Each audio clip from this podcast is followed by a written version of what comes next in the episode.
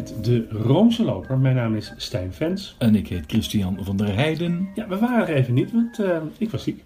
Ja, wat had je eigenlijk? Nou, ik had een soort van, van griep en ik was mijn stem kwijt. En ik moet zeggen, daar is uh, door de buurt erg goed op gereageerd. Mensen hebben vlaggen uitgehangen en ze zwaaiden het als ik voor het raam zat.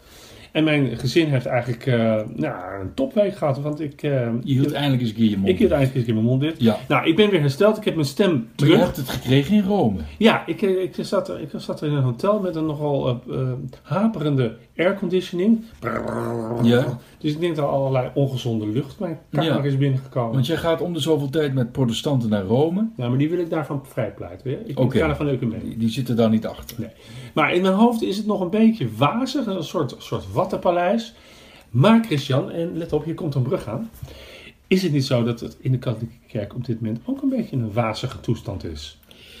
Uh, heel veel mensen zullen daar niet veel van merken, maar als je er wat dieper in zit, in die, in die Vaticanistiek, dan is er heel veel aan de hand waarvan je zou kunnen zeggen dat het een ongehoorde verwarring heeft gewekt. Ja. Wat is er aan de hand? Er is een groep mensen geweest die heeft een brief geschreven aan de paus, waarin zij hem uh, verwijten dat hij ketterijen heeft verspreid. En uh, die ketterijen willen zij op een kinderlijke wijze, uh, dat betekent dat zij zich beschouwen als de zonen, de filii van de paus, dat ze zeggen heilige vader.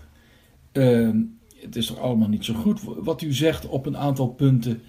Uh, wij wij uh, bevelen de volgende correcties aan, want u verspreidt ketterijen. Ja, nou, dat, dat is toch wat, hè? als je een paus daarvan beschuldigt. Ja, een grote bron van ergernis is dat document Amoris Laetitia, de conclusie eigenlijk van twee bisschoppensynodes over het gezin, conclusies van de paus, pauselijk document.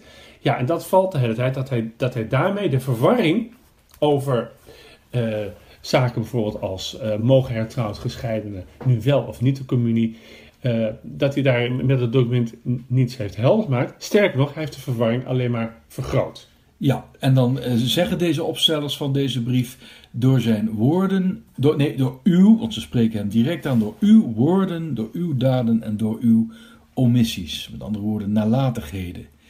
Uh, overigens, het gaat hier niet om uh, het hele document Amoris Laetitia, maar enkel om hoofdstuk 8 en dan, en dan eigenlijk vooral toegespitst op een, op een inmiddels al beruchte voetnoot, waarin dat de paus uh, zegt van mensen die dus hertrouwd gescheiden zijn, die zouden in aanmerking kunnen komen voor een soort boeteachtige weg naar die communie. Uh, want, zegt hij dan, de communie is niet uh, bedoeld voor de moreel perfecten, maar voor de zondaars. Ja, ja. Nou, en daaruit zijn dus allerlei interpretaties uit voortgekomen door de Argentijnse bisschoppenconferentie, door de tweekoppige Malteser bisschoppenconferentie. De Duitsers hebben zich daar natuurlijk weer mee bemoeid. En die zijn eigenlijk allemaal voor zo'n mogelijkheid van communie voor hertrouwd gescheidenen. Nou, en daarvan zeggen de opstellers van deze brief uh, uh, dat, dat die openheid min of meer wordt geschraagd, gedraagd door een zevental ketterijen. Ja. Wat is eigenlijk een, een ketterij? Nou, dat ga jij nu zeggen. Ja, nou ja, ons woord ketterij uh, uh, is in ieder geval, uh, daar zijn de meeste etymologen het over eens, van het Griekse woord kataros, en dat betekent zuiver. Um, dus de, de, de Kataren beschouwden zichzelf als de echte, de echte gelovigen, de zuiveren. Maar volgens Rome waren zij juist heel onzuiver. Ja. Met andere woorden, uh, ketterij betekent dus juist geen zuiverheid, maar een onzuiverheid. Het is misschien wel beter om te spreken over van heresie. En heresie, dat betekent dus een, een bepaalde dwaalleer. Uh, ketterij, heresie, wordt heel nauw beschreven, of heel nauw, heel, heel, heel formuleachtig beschreven in de codex van het kerkelijk wetboek uit 1983. En ik citeer kanon 751. Ketterij wordt genoemd het, na het ontvangen van het doopsel, hardnekkig ontkennen of in twijfel trekken van een of andere waarheid die met goddelijk en katholiek geloof geloofd moet worden. Dus dat, dat, dat de paus overtreedt of gaat in tegen dit. Dat zeggen ze dus weer niet. Nee, waarom? Dat is toch weer onduidelijk, hè? Omdat ze, eh, ze beschuldigen hem niet persoonlijk van ketterij. Ja. Eh, want dat zou natuurlijk een, een, ja, een enorme godsbe zijn. Want de paus staat juist borg voor de orthodoxie. De ketterij is een heterodoxie. Ja. Maar ze zeggen, u hebt in uw, eh, die misschien direct of, of, of indirect, of u dat bewust doet of niet, daar willen we vanaf zijn. Daar hebben wij geen oordeel over, zeggen, zeggen deze eh, briefschrijvers. Maar u, u helpt mee aan de verspreiding van een aantal ketterijen. Ja.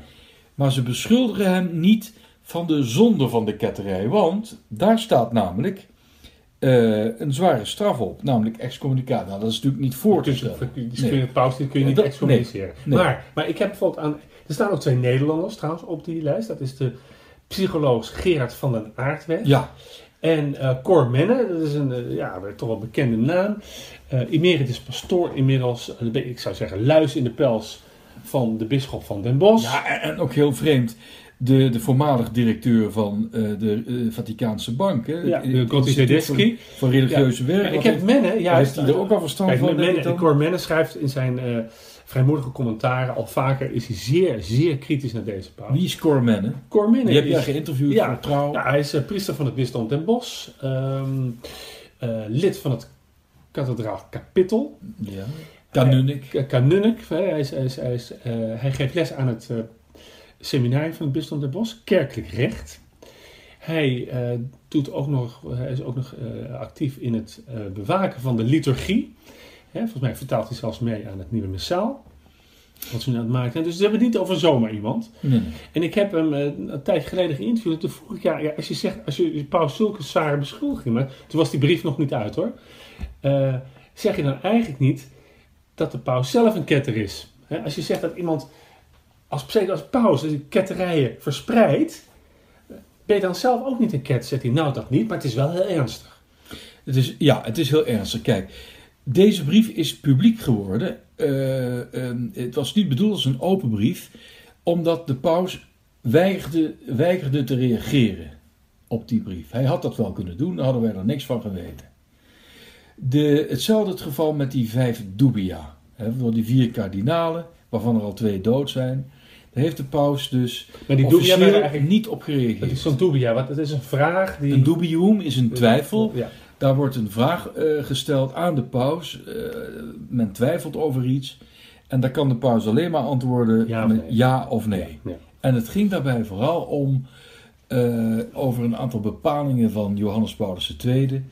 Eh, ja, of die nog wel gelden. ja, zoals... Nou, bijvoorbeeld geldt, geldt het absoluut eh, verbod op de communie eh, van mensen die objectief in een staat van doodzonde verkeren, nog wel of niet meer. Ja. Ja, dat is een van die dubia. Heeft de paus nooit officieel op willen reageren. Kardinaal Muller, eh, de, door ja, de paus Franciscus op, nou, ontslagen niet, maar hè, zijn, zijn ambtstermijn is niet verlengd. Maar wel weggestuurde eh, prefect voor de congregatie van de geloofsleer. Die, ehm, die zegt, had de paus dat maar gedaan. Waarom niet? geven op die, op die dubia, ja, waarom ja. niet? En ook op deze brief, het zijn respectabele mensen. Als je die gewoon negeert, ja, dan is het natuurlijk niet zo gek dat ze daarmee de publiciteit zoeken. Reageer erop is in een open eh, sfeer van dialoog. Het is trouwens de paus zelf die heeft opgeroepen tot paresia. Dat wil zeggen het vrijmoedige spreken. Ja, en, nou, en, en, en dat heeft mij echt getroffen in het interview met de National Catholic Register, Amerikaans blad.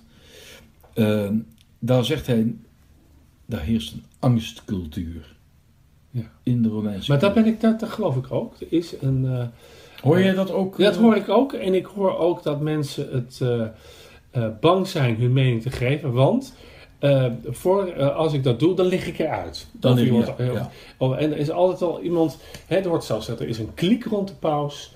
die mensen goed in de gaten houdt. En, eh, ehm, Als je maar, het schijnt dat als je maar één kritisch, kritische opmerking Ja. maakt, dat wordt dan met allerlei spionnen doorgebriefd direct aan de paus of aan Parolin, hè, de staatssecretaris. Ja, dan kun je het wel shaken. Nou ja, Paulien weet ik niet. Kijk, het is, natuurlijk het bekende verhaal van drie medewerkers van de Congregatie voor de Geloofsleer. eh, die, nog onder Muller, die er toen nog was. En Muller wordt bij de paus geroepen. En de paus zegt: eh, Ik wil dat je die drie, die drie mensen ontslaat. Toen zei Muller: Maar dat zijn hartstikke goede mensen. Zegt de paus: Ik wil toch dat je ze ontslaat. Wat bleek nou? Eh Eén van die drie, hè, dat, en dat is ook allemaal weer gossip, hè, maar ik zeg het toch maar even het, Ja. hoe het verhaal dan, dan verteld wordt. Ehm een van de drie had het gewaagd om ehm, de paus tegen te spreken. Of, of, of te zeggen dat de paus een verkeerde beslissing heeft genomen. Dat zou de paus ten oren zijn gekomen. En toen had de paus gezegd, dan moet hij maar weg. Ja. Ehm, Nou, en dat vind ik raar als jij oproept. En plein publiek. Mensen, we moeten vrijmoedig spreken.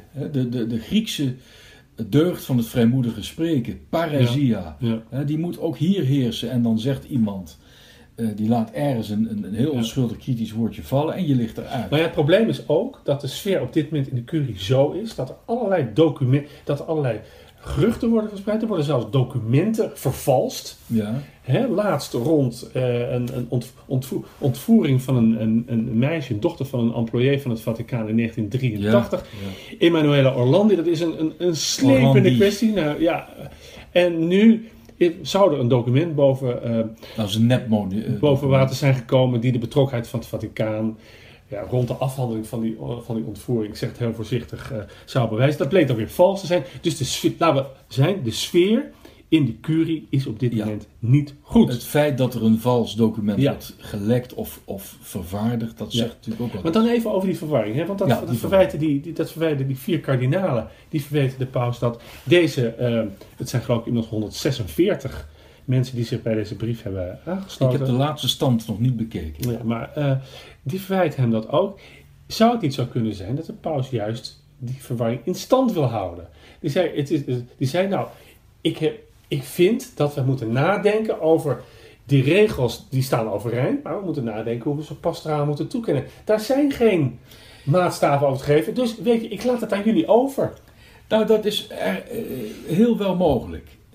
Ehm, hij heeft al in het begin van zijn pontificaat gezegd: we moeten eh, een beetje in de, in de, in, in, in de, in de pap gaan roeren dat, dat de zaken in beweging komen. Dus, dus misschien lokt hij dit debat wel uit. Misschien lokt hij wel conflicten uit. Hij zegt ook steeds: de kerk bestaat van de conflicten. Ja. De apostelen maakten al. eh, Ja, ruzie. Ruzie. Ja, ja, ja. ja. eh, maar wel, Paulus, die heeft wel Petrus eh, gecorrigeerd. Hè? Ja. Dus het, het is dus niet zo dat eh, andere, andere opvolgers van de apostelen, andere bisschoppen, eh, braaf ja en amen moeten zeggen met wat deze paus Ja, zegt. En, en wat, wat, wat de paus heeft wel iets... Ik heb laatst met iemand in de curie gesproken. En toen zei ik, waarom reageert die paus niet? Hè? Dan zouden we van al dat gezeur, zei ik een beetje Ja, sterk, af zijn. Dus zegt hij, ja, maar hij, hij heeft gereageerd. Wat de paus heeft gezegd. De Argentijnse bisschoppenconferentie heeft het in zijn uitleg van Amoris Laetitia ja. aan het goede eind. En als, en als dat nog niet genoeg is, ga maar naar kardinaal Schönborn, aartsbis- aartsbisschop van Wenen, vertrouweling van de paus, eh, bekend en befaamd theoloog. Maar wat, als je dan naar, naar die Schönborn gaat, ja, die zegt eigenlijk, het komt ook niet met een pasklare uitleg. Nee, nee. En, en, en Muller zegt daarover in dat, eh, in dat recente interview met de National Catholic Register. Die zegt, ehm, dat is geen pauselijke leer wat hij in de wandelgangen roept of, of wat hij in een persoonlijke nota schrijft aan één bisschoppenconferentie. Dat kan dan wel op de Vaticaanse website worden gepubliceerd of, of wherever in de semi-officiële krant van het Vaticaan, de L'Osservatore Romano. Dat wil nog niet zeggen dat het pauselijke leer is. Nou, en dan nog iets. eh, eh, eh, Dus die, een, een opinie. ja, die brief is van augustus. Dat, die was nu bekendgemaakt. Maar ondertussen, in de tussentijd is de paus in Colombia geweest. Daar heeft Ja. hij een bezoek gebracht aan een communiteit van Jezuïeten. In Cartagena. Ja. En ehm, nou, of het nou toeval is of niet, maar net nou die brief in de openbaarheid is gekomen, eh, publiceert eh, Civita Catholica. Dat is toch een beetje het, ja, een beetje de spreekbuis van de paus. De hoofdredacteur is, is het vriendje van de paus, ja, en die, Antonio Spadaro. Plots, plots wordt dan plots in die vertrouwelijke, dat vertrouwelijke gesprek met de Jezuïeten prijsgeven. En, wat komt daar aan de orde? Niet die brief, Wat die, die, die er toen wel al was, maar Amoris Laetitia en de kritiek op Amoris Laetitia. En wat zegt de paus dan? Nou ja, de critici hebben mijn, mijn respect, maar ze zitten fout. Want, zegt hij, alles wat erin staat is Thomistisch. Dus is, eh, eh, heeft, heeft een goedkeuring van iemand die al heel lang dood is, namelijk Thomas van Aquino. Ja. Ja, dat lijkt mij een, eh, een argumentum ad autoritatem. Hè? Van, ja. Maar goed, eh, we hadden het net even over... voor de mensen vertalen. Ja, want, nee, eh, ik, doe- ik doe het niet, want we hadden het net over geneuzel. Ja. Kijk, voor de meeste mensen is waar wij het nu over hebben geneuzel. Dat Maar betekent denk- het helemaal niets. Ik denk uiteindelijk het toch is esoterie. Ja, het is waar, maar uiteindelijk eh, eh, voor de, zal, moeten we zeggen dat deze paus, die natuurlijk hier in Nederland een enorme goede ontvangst heeft en nog steeds een toch algemeen een hele goede pers, eh, de, wordt gezegd, de verbinder, hè, de man die iedereen omhelst. Maar, want die brief, die mensen in die brief mogen dan niet allemaal even bekend zijn. Ik meen, ik, ik meen te, kunnen zeggen dat ze op sympathie van een wat groter aantal mensen kunnen rekenen. Onder wie bisschoppen die wel uitkijken om hun, om hun handtekening onder deze brief te zetten. Eh, dus deze paus verbindt niet alleen maar, maar deze paus verdeelt ook. Ja. En misschien wel bewust en zegt dat juist wel heel veel over zijn karakter. Eh, nou, en, en, maar ook eh, misschien over eh, zijn filosofische basis. Want eh, in dat eh, interview met Dominique Walton, eh Politieke et Société, Waar we het vorige keer over we het vorige keer ook over gehad hebben, daar zegt hij dat hij heel veel heeft geleerd van Romano Guardini. We- Een, een, een, een Duitse theoloog met een Italiaanse naam. En daar wilde hij eigenlijk promoveren op zijn jeugdwerk, eigenlijk der Gegensatz. En ehm, dat betekent eh, ja, de tegenstelling. Je kunt het eigenlijk het beste eh, vertalen met het woord polariteit. Dus er moet in de kerk zowel eenheid zijn als verdeeldheid. Want verdeeldheid heb je soms nodig om een hogere vorm van eenheid te bereiken. En ehm, je moet de verdeeldheid niet opheffen, want dat gaat dan weer ten koste van de kwaliteit van een bepaalde vorm van eenheid. Ja. Dus het is niet het opheffen van de polen, maar het juist het, het samen laten bestaan van die, van die Die uiteindelijk tegengestelde. moet leiden tot een soort hogere eenheid. Juist. En, en je moet die spanning uithouden. Ja. En eh, ja. Nou, maar ik- goed, ja, moeten wij dan niet even die, die ketterijen noemen waar de paus Ja. van wordt beschuldigd? Het Of is dat weer Het is een eh, beetje te mosterd naar de ingewikkeld? maal. Ik denk dat, het, ik Ja. denk dat we het al veel, veel hebben gevraagd van onze luisteraars. En ik heb zelf wel toe aan een beetje een leuk muziekje op dit moment. Heb je een verzoekje? Nou, geen muziekje, maar een beetje iets vrolijks. Want het is allemaal wel zware kosten, Christian. Tot Dan moet ik, ik moet even op zoek.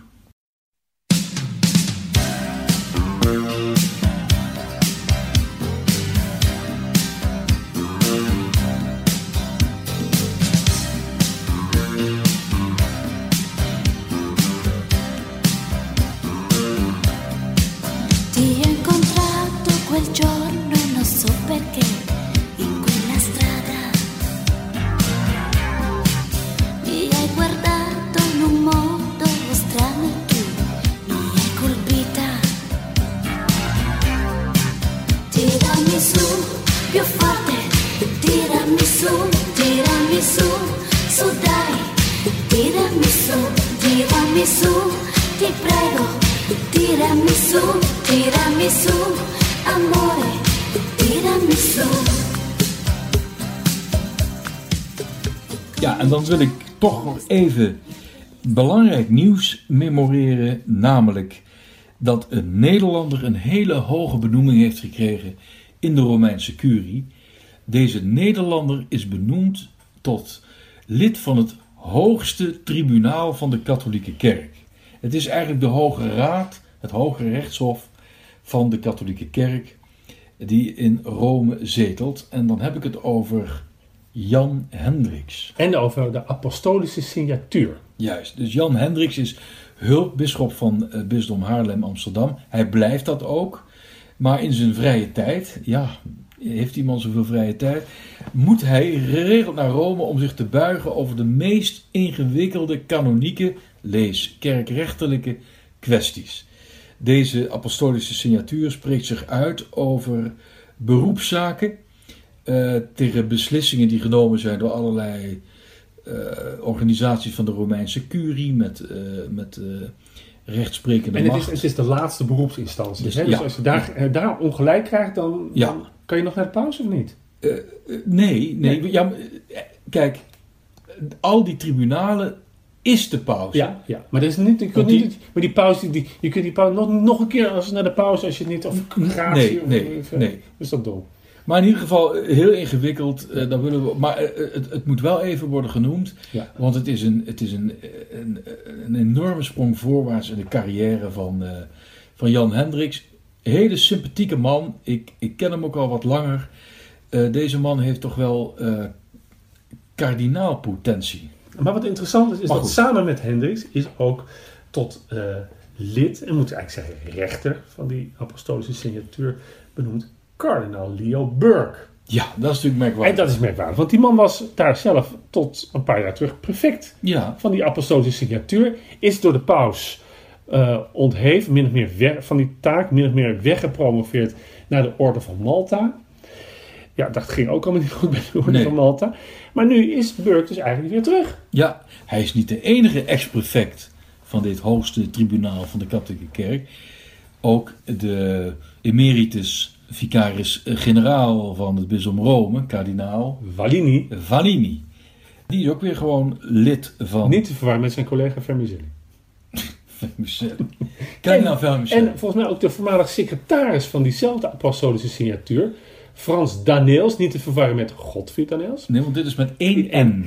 Die is dus ook te gehad. En dan heb ik dat, dat, dat van Burke, hè, de man die weg moest. Hè, de, dat, dat was een enorme toestand en die is ge- ge- weggepromoveerd. Die is nu terug. En dat vind ik wel interessant hoe we dat dan moeten duiden. Ja, raar toch? hè? Ja. Dan, denk, dan snap ik ook weinig van die Franciscus. Eigenlijk. Maar goed. Nou ja, kijk, het is altijd zo. Dat moet eens opvallen. We, eh, er komt een brief van mensen die vinden dat die, dat die ketterijen verspreidt. Die brief heeft ook, denk ik wel, eh, sympathie gevonden in het kamp Burke. En dat is een vrij grote bank van, van traditionele katholieken die vinden dat die paus het helemaal verkeerd doet. En wat doet hij dan vervolgens een paar dagen later? Dan, dan, her- dan rehabiliteert hij Burke eigenlijk een beetje. Of Ja, of, of hij parkeert hem eh, op een plek waar hij niet zoveel fout kan doen. Kijk, Burke heeft zich bemoeid met theologische kwesties. Hè, met dogmatische, doctrinaire kwesties. En Burke is een kanonist. Ja. En een kanonist moet ook een pietje precies zijn. Een kanonist die moet ook gewoon wetten toepassen. Maar misschien zit er dat achter. Genoeg hierover, want het is... eh, eh, Ik ga even, even, wat ik even ga doen, Nee, we gaan, ik ga even een selfie van ons beiden nemen. begin jij nou ook al? Hoezo? Ik word gek van die zo. Dan word je gek van die selfie. Van wie dan? Nou, kijk, weet je, soms vinden mensen. Dit is trouwens eh, een heel slecht toneel, hè? Dit. ja, dat- ja, maar Maar wij zijn ook een beetje de katholieke mounties. in ieder geval, eh, waarom komen we hierop? Zondag 1 oktober, toen ben ik eh, naar YouTube gaan surfen. Ja. Want het Vaticaan heeft een eh, prachtig YouTube-kanaal en daar kunnen we dus live allerlei avonturen van Paus Franciscus meemaken. Dat is bijzonder. Hij is eh, deze zondag is hij naar eh, de regio, de Italiaanse regio Emilia-Romagna gegaan. En daar is hij eerst heel vroeg in de ochtend in Cesena geweest. Daar vierden ze het 300ste geboortejaar van Paus Pius VI. Daarna ging hij meteen door naar de hoofdstad van deze regio, Bologna. En als eerste programma-onderdeel was een bezoek aan een hoep regionale. En een hoep regionale is een, een, een- ja, een soort eh, regionaal doorgangskamp voor een hele enge naam, maar dat is het min of meer wel voor asielzoekers, migranten, Daar vluchtelingen. worden sis- migranten verdeeld. Ja. vervolgens weer naar andere. Ja, ze blijven daar natuurlijk. Juist, ja. Nou, en wat viel mij op? Ze waren in een zeer feestelijke stemming. Al die mensen uit Afrika en Bangladesh en waar ze ook allemaal vandaan komen, met spandoeken. We love the Pope. Nou, dat vind ik ook. Hè, Dat, die man is een ster. Ja. En omdat hij een ster is, wil iedereen met hem op de foto. U zult dan zich afvragen, heeft iedereen dan een, een, een, een smartphone? Ja. Bijna al die asielzoekers die hebben een smartphone. En wie heeft Maar dat er vind ik een goede tegenwoordig zaak. geen smartphone? Het is belangrijk dat zij hun avonturen, een, een, een verschrikkelijke ervaringen, ook want ze moeten nog heel wat meemaken voordat ze Noorwegen bereiken. Want laten we wel zijn, in Bologna blijven ze niet. Ze Nee, natuurlijk allemaal naar Scandinavië. Ja. Want, want daar Duitsland, zo- even naar Duitsland. Eerst maar naar Duitsland. ja, en maar dan- wel zo ver mogelijk van, van Afrika vandaan. Ja, ja, ja. Eh, in ieder geval, eh, die paus die komt langs met een Ja. big smile. ja, dat vond leuk. Ja. En eh, iedereen maakt met hem een, een, een, een selfie.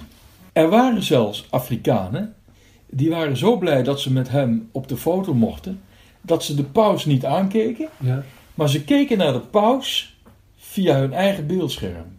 Dus ze maakten geen oogcontact met de paus zelf, maar waren eigenlijk geïnteresseerder in de selfie met de paus dan in, het, in, in, in, in de actuele persoon die Maar- met vlees en bloed daar Nou, staat. wat ik dan wel goed vind van die Dat paus... vind ik wonderlijk. Die paus, en dat vind ik ook knap, van dat hij, dat hij bij altijd zo'n bezoeken aan ja, parochies en bisdommen gaat hij altijd toch naar, zoekt hij de, de, die kwetsbare migranten op. Wat ik het goede vind aan, de, aan het feit dat die paus gaat aan de parochies en naar bisdommen, hij zoekt altijd de kwetsbare migrant op. Hij geeft letterlijk die toch vrij anonieme groep een gezicht. Ja, en dan gaat hij met ze op de foto. Ik vind, En, het, ik en dat prima. Ik heb het, en, ja, natuurlijk is dat Ja, prima. ja. Ik zeg gewoon dat dat niet prima is.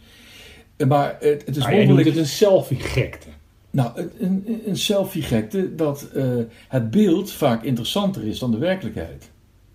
Dus, Ja. dus de beleving van, eh, van, eh, van de werkelijkheid die je hebt meegemaakt Ja. in het verleden vindt men leuker dan de, dan de werkelijkheid die zich op dat moment aan het voltrekken is. Ah, wat ik wel, Maar goed, dat wat ik wel mooi vond, is hij zei: Ik neem jullie ogen met me mee. hè.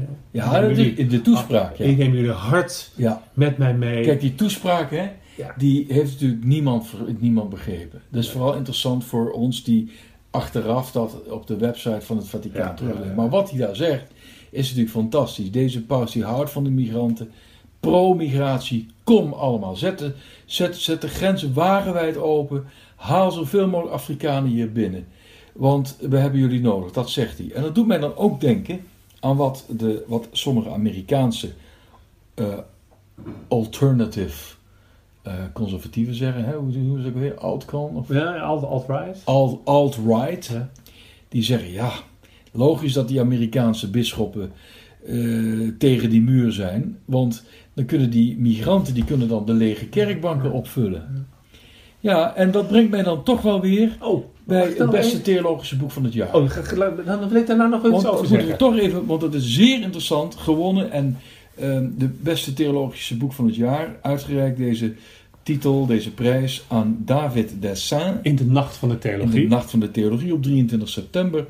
En de titel van het boek, nacht, hoor. eh, Het is al een lange nacht hoor. eh, nou het is nooit in de nacht, Oh, nee, was het maar in de oh, nacht. ja. En titel luidt God is een vluchteling. Ondertitel De terugkeer van het christendom in de lage landen.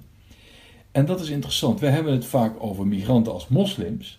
Maar waar we het bijna nooit over hebben, dat een heel groot gedeelte van die migranten, die zijn christen. Dus het christendom eh, wordt eh, vernieuwd niet door de geboorte van nieuwe Nederlandse christenen en christinnetjes, maar door de migranten. Dat is interessant. Ja, En dus nog even voor, de, voor, de, voor de, eh, degene die nu naar de boekwinkel wil rennen. Da- David Dessin, zeg ik dat goed? ja, ik denk het wel. Je je spelt D-E-S-S-I-N, Nico. God is een vluchteling. God is een vluchteling. En in diezelfde nacht werd er natuurlijk ook een nieuwe theoloog des vaderlands. Zo heet het niet meer. Theoloog van het jaar? Theoloog van het jaar. Ja, ja. En dat was Klaartje Kruif. Ja. Opgegroeid in een eh, atheïstisch gezin, meen ik. Hè? Ja. En via een, een, een, een nogal conservatieve priester in Amsterdam is zij tot het leven, is zij, is zij tot geloof gekomen. Eh, niet dat ze dan Rooms-Katholiek is geworden, maar ik vraag me wel af wie die priester was. Zou dat Antoine Baudard kunnen zijn? Nou ja, die zit, kijk, die is alomtegenwoordig. En, Nou eh, zeg, ja. en- Hij is 25 jaar priester. uit- eh, waar- vind ik wel dat we even van harte gefeliciteerd. Vanuit deze plaats van harte gefeliciteerd. Van harte. Het, was, waren- het waren moeilijke jaren, maar ik zeg altijd over Antoine Baudard. eh, op het moment dat de grote crisis in de Nederlandse kerk was uitgebroken rond seksueel misbruik. en de bisschoppen eh, terug, zeer terughoudend waren in mediacontacten. Sterker nog, je zag ze nergens. Zat, zat hij bij de Wereld door en bij Pauw De klappen op te om vangen. de klappen op te vangen. Ja, en daarvoor en dat is- verdient hij, ik zou bijna zeggen, een pauselijke onderscheiding. maar goed, even nog over, eh, want dan maak ik ook weer een bruggetje naar onze paustoto. Want de paus werd in, hè, dus wie wordt de nieuwe paus? Stel dat, de paus, dat er binnenkort een conclaaf komt. De paus werd in eh, Bologna ontvangen door eh aartsbisschop Zuppi. Matteo Zuppi. Matteo Zuppi was een tijdje hulpbisschop in Rome, is in 2015 benoemd op ja, wat wel de meest, eh, de zetel van de meest linkse stad van Italië. Wordt genoemd een man van de straat, een man van Sant'Egidio. Ik zeg altijd, de enige bisschop die niet zo heet wordt gegeten als hij wordt opgediend. En hij is geïnterviewd door Leo Feijen in het KRO-programma Geloofsgesprek. En eh, dat is een van de weinige buitenlanders, denk ik, in dat. eh, Ja, Maar, eh, en dat is natuurlijk een interessante man die naar die, naar die linkse stad gegaan is. Hij ehm, heeft de paus daar ontvangen. linkse stad. Ja, het is wel een, een rode stad, hè? Nou, dat, wat interessant. De paus die zei ook tegen die vluchtelingen: let wel, Bologna is de eerste stad van Europa Ja. die de slavernij heeft afgeschaft. Er zijn bijna toen 6000 slaven vrijgelaten en die hebben allemaal een financiële compensatie gekregen in Bologna. Dus, eh, en, en die Zuppi, die is nog geen kardinaal. En dat is op zich wel weer, dat past een beetje in de lijn van eh, deze paus. Normaal was het vroeger dat de grote Italiaanse steden, ik noem Turijn, ik noem Venetië, waar een patriarch is, Bologna, Palermo, eh, die wa- waren eigenlijk wel zeker van de kardinaalshoed. Dat waren in die zin ook allemaal rode steden. Er is laatst nog één overleden? Ja. Carlo Cafara. Ja, van Bologna. Eh, en doet het, de paus heeft dat hele ja, gunstensysteem van dat kardinalaat eigenlijk veranderd. Want die Ja. heeft een, een aartsbisschop van Ancona, heeft die, eh, de aartsbisschop van Agrigento. Hij heeft een, de- heeft een hulpbisschop van, van San Salvador kardinaal Ja, gemaakt. ja, Niet ja, de aartsbisschop, nee, zijn hulpbisschop. En dan kom ik op het volgende conclaaf. Als je daar wel eens, als je daar wel eens over nadenkt, zou je kunnen zeggen, we hebben het de hele tijd gehad over, eigenlijk over de rekkelijken en de precieze, hè, die, die strijd op dit moment in de kerk. Als ik wel eens aan het volgende conclaaf denk, God weet wanneer het komt, dan denk ik dat er toch een strijd gaat ontstaan over de erfenis van deze paus. Dat die twee kampen die nu al tegenover elkaar staan, die komen in het conclaaf ook tegen elkaar te staan. En dan is het van belang, eh, wat doet de paus? Gaat hij binnenkort, want die paus denkt daar volgens mij ook aan. Die paus is een politieke, strategische paus. Die, die, die ook eh, ja, met macht speelt. Hè? Een jezuïet, hè? Dat is een jezuïet. Eh, gaat hij binnenkort toch weer een, een, een, een consistorie uitschrijven? Het zou bijvoorbeeld, het zou nu in november kunnen. Het zou dan ook nog in februari kunnen. Waardoor hij zorgt dat die verhouding in dat, in dat college nog meer in het voordeel, wat ik, wat ik noem van eh, Franciscus 2.0 kardinalen komt. Dus dat zo'n Zuppi, maar ook de aartsbisschop, van Palermo, dat hij die toch de, eh, nog even tot, tot eh, even kardinaal creëert, zodat hij met een gerust hart straks of de laatste adem kan uitblazen of zich terug kan trekken in Argentinië. Mijn kandidaat voor deze aflevering die is al kardinaal. Ook Italiaan. We hebben het hier over Lorenzo Baldisseri. En eh, hij moet wel opschieten, want eh, hij is al 77 jaar. Onlangs geworden. Dus hij kan maar paus worden als hij 80 min is. Ja, even, ter, even ter vergelijking, hij is dus maar een paar maanden jonger dan Ringo Starr, de drummer van de Beatles. Echt waar? Ja, nou, hij speelt trouwens ook piano. Hoor, nou, dat deze. zou ik maar zeggen. Ja, eh, Ringo Starr ook, hè? Wist je dat? Ja, Ja, goed. Maar deze, deze man die is ehm, tegenwoordig ehm, de baas, of de baas, de secretaris-generaal van een van de belangrijkste eh, organen van de Romeinse curie sinds het Tweede Vaticaans Concilie. Dat is namelijk de Bisschoppensynode. En de Bisschoppensynode is een, permanent orgaan.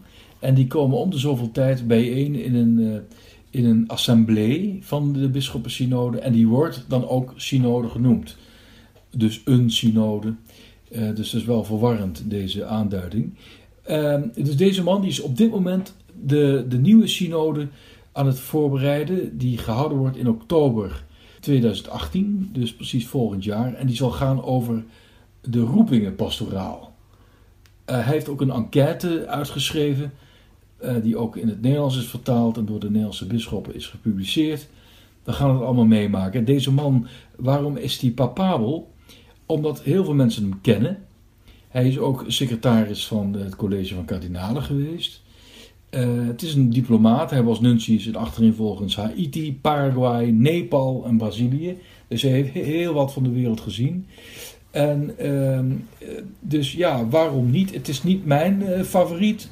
Maar mijn favoriet wordt toch nooit paus. Oh, dat scheelt. Ja? In die zin vind ik het ook wel aardig om nog eens een keer iemand aan te halen die hier al vaker is behandeld. Dat is eh, de kardinaal staatssecretaris, zeg maar de tweede man in het Vaticaan. Parolien. Ja. Parolin. Ja. Eh, we hebben het helemaal gehad over die, hele, over die brief en de discussies over is de, eh, verspreidt de paus nou ketterijen of niet. Verdeeldheid, verwarring. En wat heeft deze Parolin nou een paar dagen, ge- twee, twee of drie dagen geleden gezegd? Wij moeten met die mensen in gesprek gaan. Ja, ja, ja. Om het Italiaanse werkwoord dialogare. En dat is toch wel opmerkelijk als jouw baas, die paus, die zegt: Nee, ik hoef helemaal niet te reageren. En die reageert ook eigenlijk helemaal Die niet. negeert ze Die volledig. negeert ze volledig, laat anderen het werk doen. En hij zegt nu, deze Parolin, in navolging ook van Muller, die we hebben aangehaald. Nou, misschien moeten we toch eens met deze mensen in gesprek gaan. Ja. En dat, Dat, kan. maakt hem, dat maakt hem, vind ik, nog papabeler. Nee, en je ziet eigenlijk, en dat hoor ik ook wel, dat hij zich toch een beetje naar het midden manoeuvreert. In de zin van, straks als dat conclave begint, dan moet ik iedereen, al die kardinalen, recht in de ogen kunnen aankijken. En dan moeten ze Oh. niet tegen hem zeggen, Wacht even. Is hij nu campagne aan het voeren? Zeg nee, dat? dat? zeg ik niet. Maar Oh. hij is wel natuurlijk... eh, ehm, Want dat is Kijk, dit, hè? is, dit is speculeren. Ja. Dit is natuurlijk speculeren. Ehm, eh, want eh, mocht je, ik zeg niet dat hij het heeft, mocht je ambitie hebben, terwijl ik me niet kan voorstellen, om eh, de nieuwe bisschop van Rome, ooit bisschop van Rome te worden, dan word je het niet als je gezien wordt als een vriendje van de vorige paus. Dat heeft Ratzinger toen bijna de das omgedaan. Die was dat natuurlijk ook een beetje. Maar ja, die, die, die, die, paus, er was zo een wil in dat kardinale college om, de, eh, om, om het, voor continuïteit. Eh, maar dat, dat kan gevaarlijk zijn en dat zou Parolin nog wel eens parten kunnen spelen. We gaan het allemaal zien. Het is allemaal natuurlijk allemaal seculier, werelds gespeculeerd wat wij doen. Zeker. Eigenlijk zijn we ook een beetje zondig. Luisteraars, bedankt dat u er weer was. En tot een volgende keer.